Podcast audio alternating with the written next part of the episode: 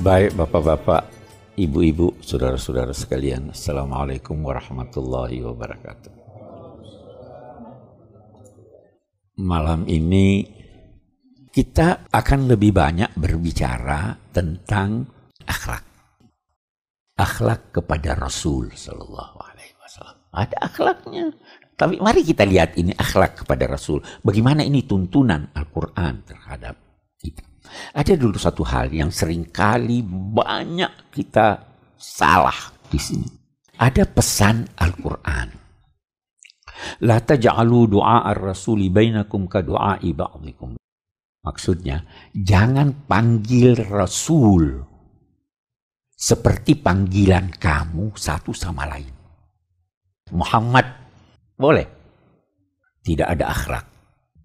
Di dalam Al-Quran nama Muhammad Sallallahu Alaihi Wasallam itu disebut selalu bergandengan dengan gelarnya yang terhormat. Muhammadun Rasulullah. Maka nama Muhammad alba ahadim mirjalikum walakin Rasulullah. Ya kan? Semua digandengkan dengan itu. Bahkan di panggilannya panggilan terhormat. Ya ayyuhar rasul, ya ayyuhan nabi. Ada orang-orang yang tidak punya akhlak. Ada orang-orang yang kikir terhadap Rasul. Jangan bersuara lebih keras dari suaranya. Hah? Itu kan akhlak tuh.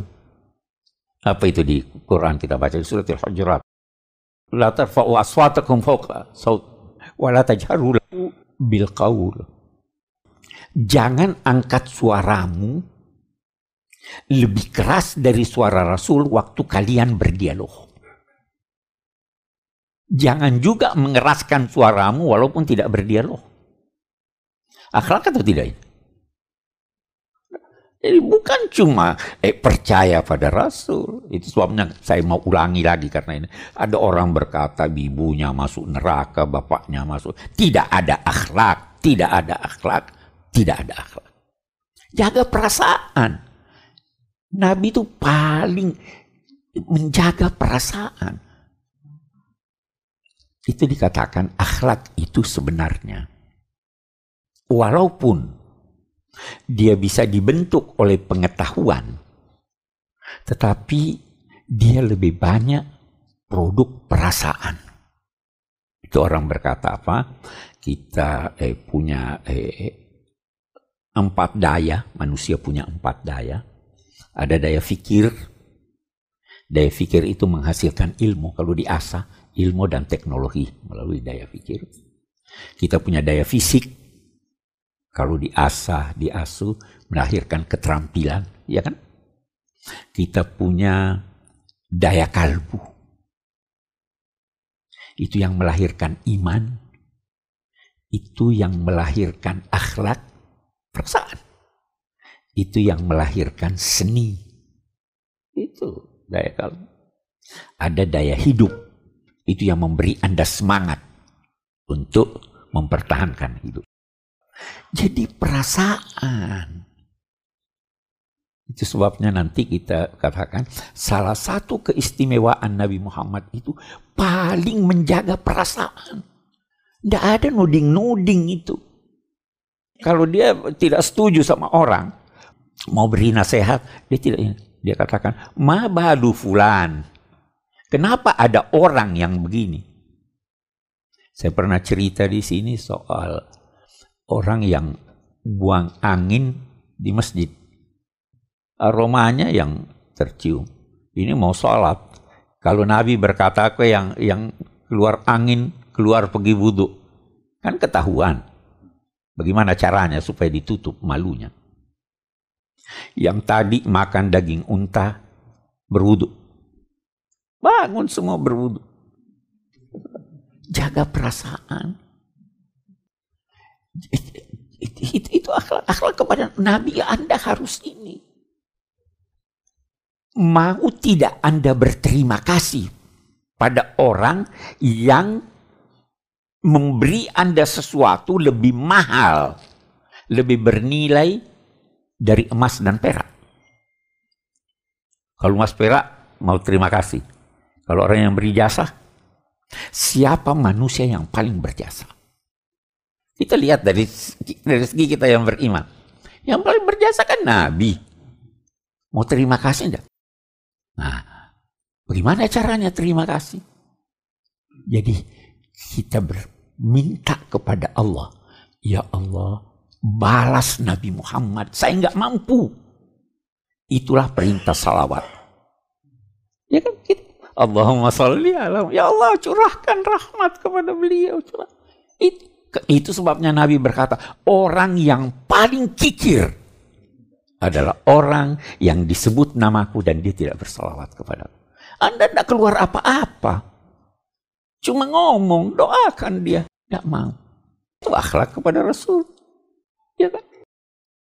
Kita masih punya akhlak atau tidak? Jauh, jauh. Allah menyatakan, An-nabiyyu aula bil mu'minina min anfusihim. Nabi yang sudah sedemikian banyak perhatiannya, sudah sedemikian membanting tulang, sudah melakukan sesuatu yang di luar kemampuan manusia biasa. Agar kita beriman. Kan Nabi begitu. Wajar enggak kita? Allah berkata, kalau begitu Nabi lebih utama daripada diri orang-orang mukmin. Itulah akhlak kepada Nabi. Kita utamakan dia. Ini sekarang ha, kita kita ambil contoh. Eh, kita jaga perasaan Nabi. Nah, saya saya ambil contoh. Nabi dihormati, sangat dihormati oleh Allah, oleh ini. Eh, istrinya bagaimana? Ummahatikum. Dia itu ibu kamu. Ya kan? Ummahatil mu'minin mau maki dia. Hah? Mau maki istri Nabi.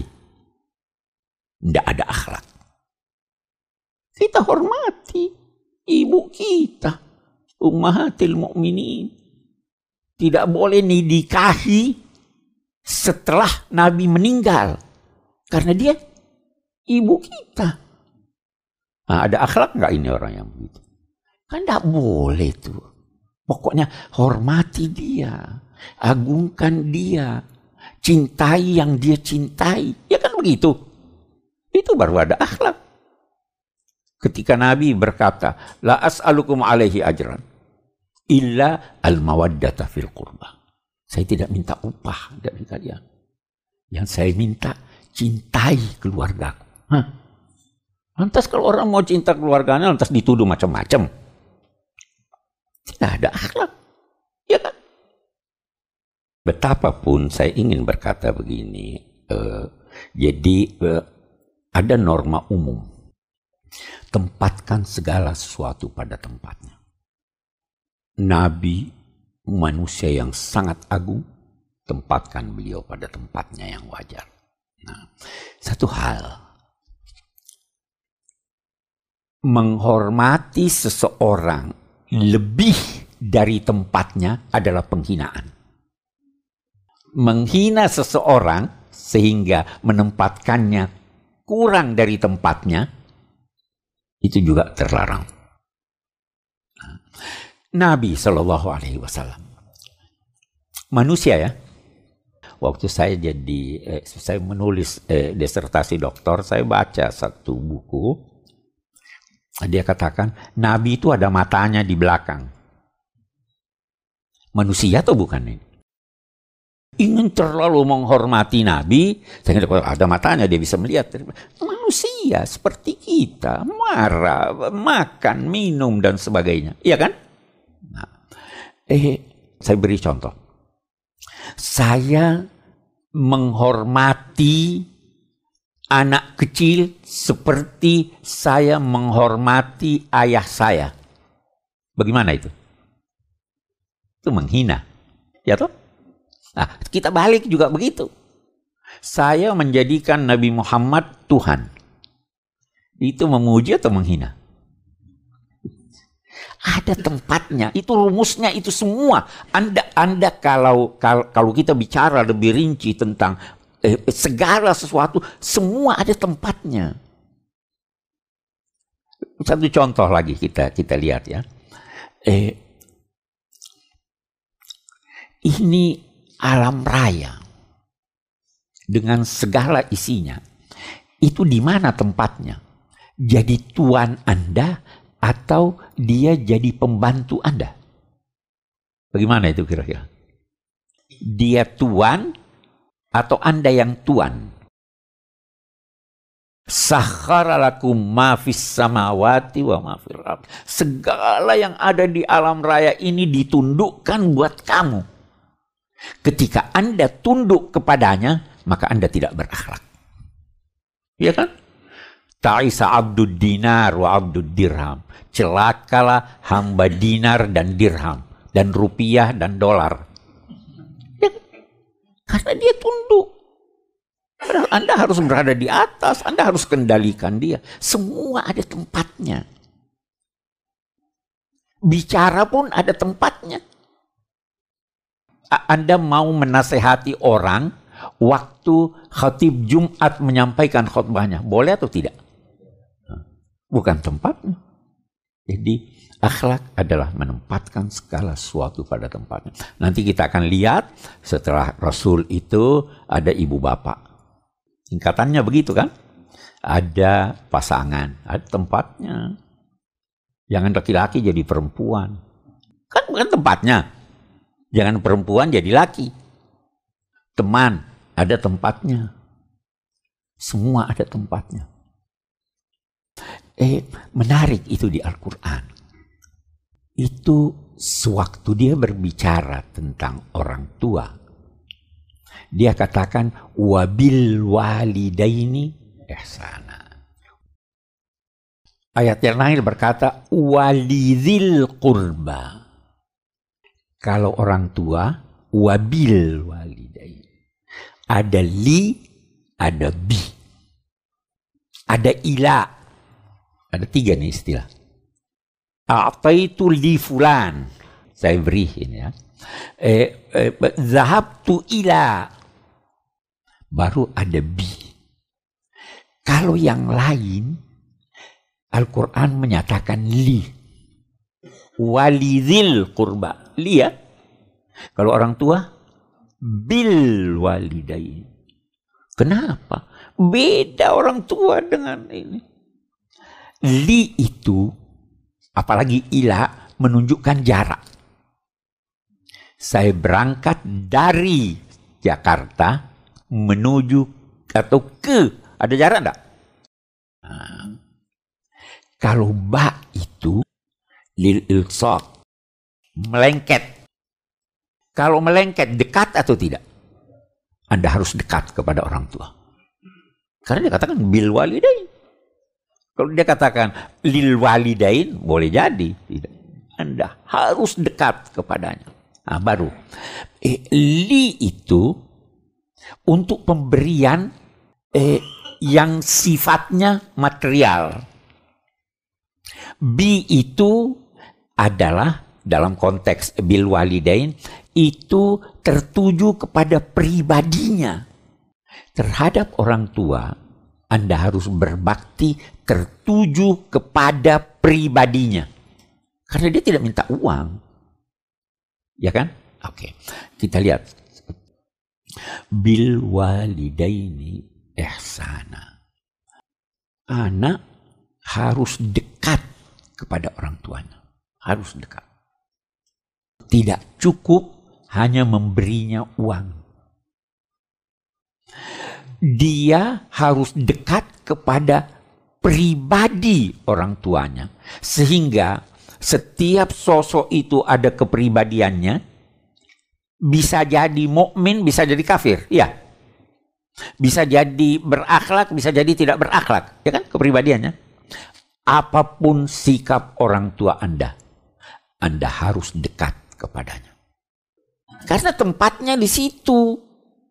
Di tempat orang tua bukan tempat eh, istri. Ya kan? Tempatnya istri ada juga kan? Tempatnya suami ada juga. Jadi eh, saya ingin eh, simpulkan bahwa eh, segala sesuatu ada tempatnya. Tempatkanlah segala sesuatu pada tempat sehingga Anda dinilai berakhlak mulia. Kalau Anda tidak menempatkan pada tempatnya, maka Anda dinilai tidak berakhlak. Islam datang menekankan pada akhlak. Kenapa dia tekankan pada akhlak? Karena akidah tidak kelihatan. Syariah kelihatan atau tidak? Kelihatan tapi tidak. Puasa kelihatan atau tidak? Tidak ada yang tahu Anda puasa atau tidak puasa. Iya. Zakat boleh jadi ada yang berkata setelah setahun baru ada. Yang setiap saat bisa terlihat apa?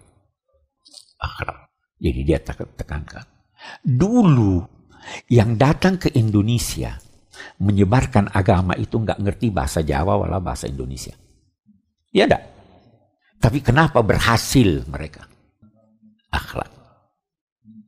Kalian tidak akan memuaskan orang dengan harta kalian. Tapi orang akan puas terhadap kalian dengan akhlak kalian. Jadi wajar Islam itu akhlak. Bukan sekedar sholat. Itu juga sebabnya sekian banyak orang yang tidak berakhlak yang disiksa Allah. Itu eh, yang menahan kucing tidak dia beri makan. Disiksa Allah atau tidak? Kenapa itu?